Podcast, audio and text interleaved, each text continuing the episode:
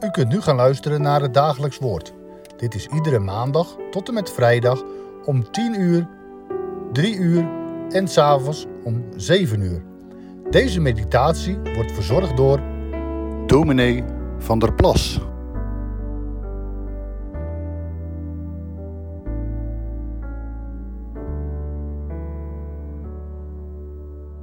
Hartelijk welkom bij het Dagelijks Woord.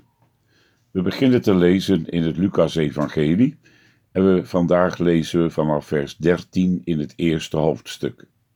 Maar de engel zei tegen hem: Wees niet bevreesd, Zacharias, want uw gebed is verhoord en uw vrouw Elisabeth zal u een zoon baren en u zult hem de naam Johannes geven. En er zal blijdschap en vreugde voor u zijn en velen zullen zich over zijn geboorte verblijden, want hij zal groot zijn voor de Heere.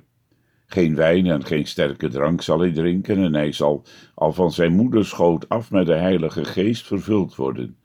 En hij zal velen van de Israëlieten bekeren tot de Heere hun God. En hij zal voor hem uitgaan in de geest en de kracht van Elia, om het hart van de vaderen te bekeren tot de kinderen, en de ongehoorzamen tot de bedachtzaamheid van de rechtvaardigen, om voor de Heere een toegerust volk gereed te maken. Uitgestelde verwachting krenkt het hart, maar een vervuld verlangen is een boom des levens, zegt spreuken. Het zou zomaar het thema kunnen zijn van het leven van Zacharias en Elisabeth, over wie Lucas vertelt. We ontmoeten de priester Zacharias in het heilige van de tempel, waar hij het reukoffer mag brengen. Opeens is hem een engel van de Heere verschenen. Terwijl Zacharias vol verwarring en vrees opkijkt, stelt de engel hem gerust: Wees niet bevreesd. Opvallend hoe vaak die uitdrukking terugkomt in de geboortegeschiedenis van de Heere Jezus. Waar God van zich laat horen, slaat een schrikje om het hart. Hij is immers de heilige God en wij zijn zondaren. Maar dit is een dag van goede boodschap. De Heere komt ons met zijn genade tegemoet. Daarom hoeft Zacharias niet bang te zijn. De liefde van God verdrijft de vrees in zijn hart.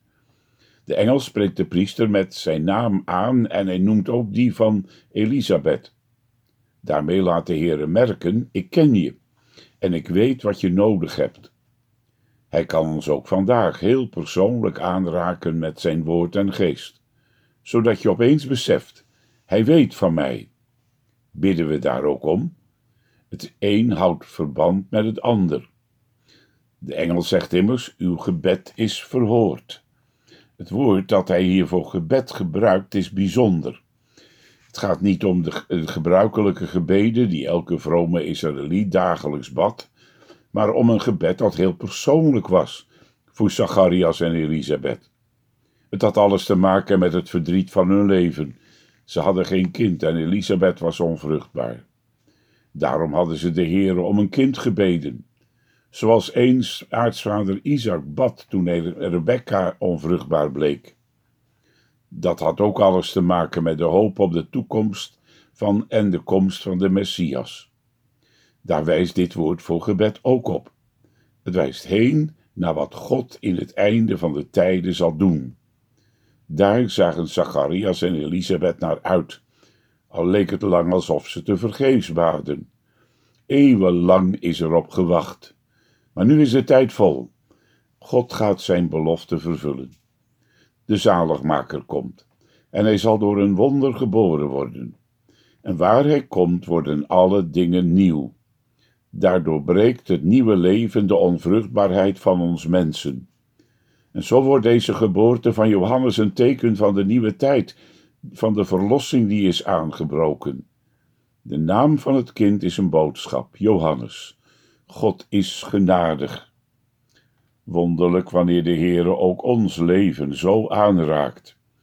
Je bad en je bad weer, maar het leek alsof de Heere doof was. Alles bleef bij het oude in je leven. Hetzelfde verdriet, dezelfde zorgen, hetzelfde kille hart. En toen opeens was de Heere er, met zijn woord, en hij raakte je aan met zijn geest. En je leerde, de Heere hoort, hij is een God van liefde en genade. De naam Johannes is de boodschap van Advent. De genadetijd is aangebroken. Nu maakt God alle dingen nieuw. Verheug je daar maar over, Zacharias. Je gebeden waren niet te vergeefs. Ze zijn niet weggewaaid als dorre bladeren in de wind. Ze kwamen aan bij het hart van God. Zo is de priester een voorbeeld. Geef de moed niet op wanneer je al lang bidt, terwijl het lijkt alsof je geen antwoord krijgt. Als de Heer uitblijft, zegt Habakkuk, verwacht hem, want hij zal zeker komen, en dan brengt hij zelf alles mee wat hij goed voor je vindt. Daarom zullen velen zich over de geboorte van Johannes verblijden. En dat gaat nog steeds door. Het is ook vandaag een teken dat de Heere wonderen doet. De zaligmaker komt en hij maakt alle dingen nieuw. Johannes is de voorloper van de Heere Jezus. Hij is helemaal toegewijd aan zijn verlosser. Daarom zal hij als een Nazirener geen, geen wijn of sterke drank drinken. Alles in zijn leven zal op de Heere gericht zijn. Van jongs af zal voor hem gelden wat Paulus later schrijft: wordt niet dronken van wijn waarin losbandigheid is, maar wordt vervuld van de Heilige Geest.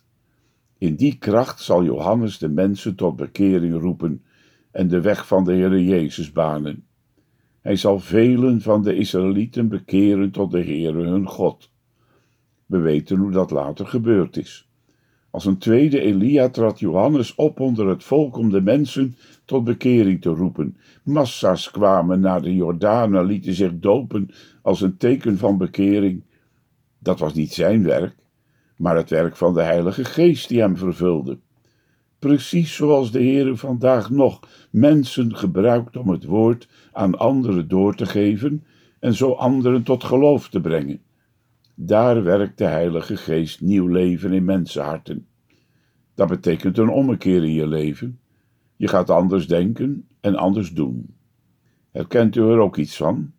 Dat is nodig, want velen verheugden zich en velen worden bekeerd, maar niet allen. Sommigen keren zich af van Johannes. Ze houden liever vast aan de zonde dan op zijn woord uit te zien naar de Verlosser.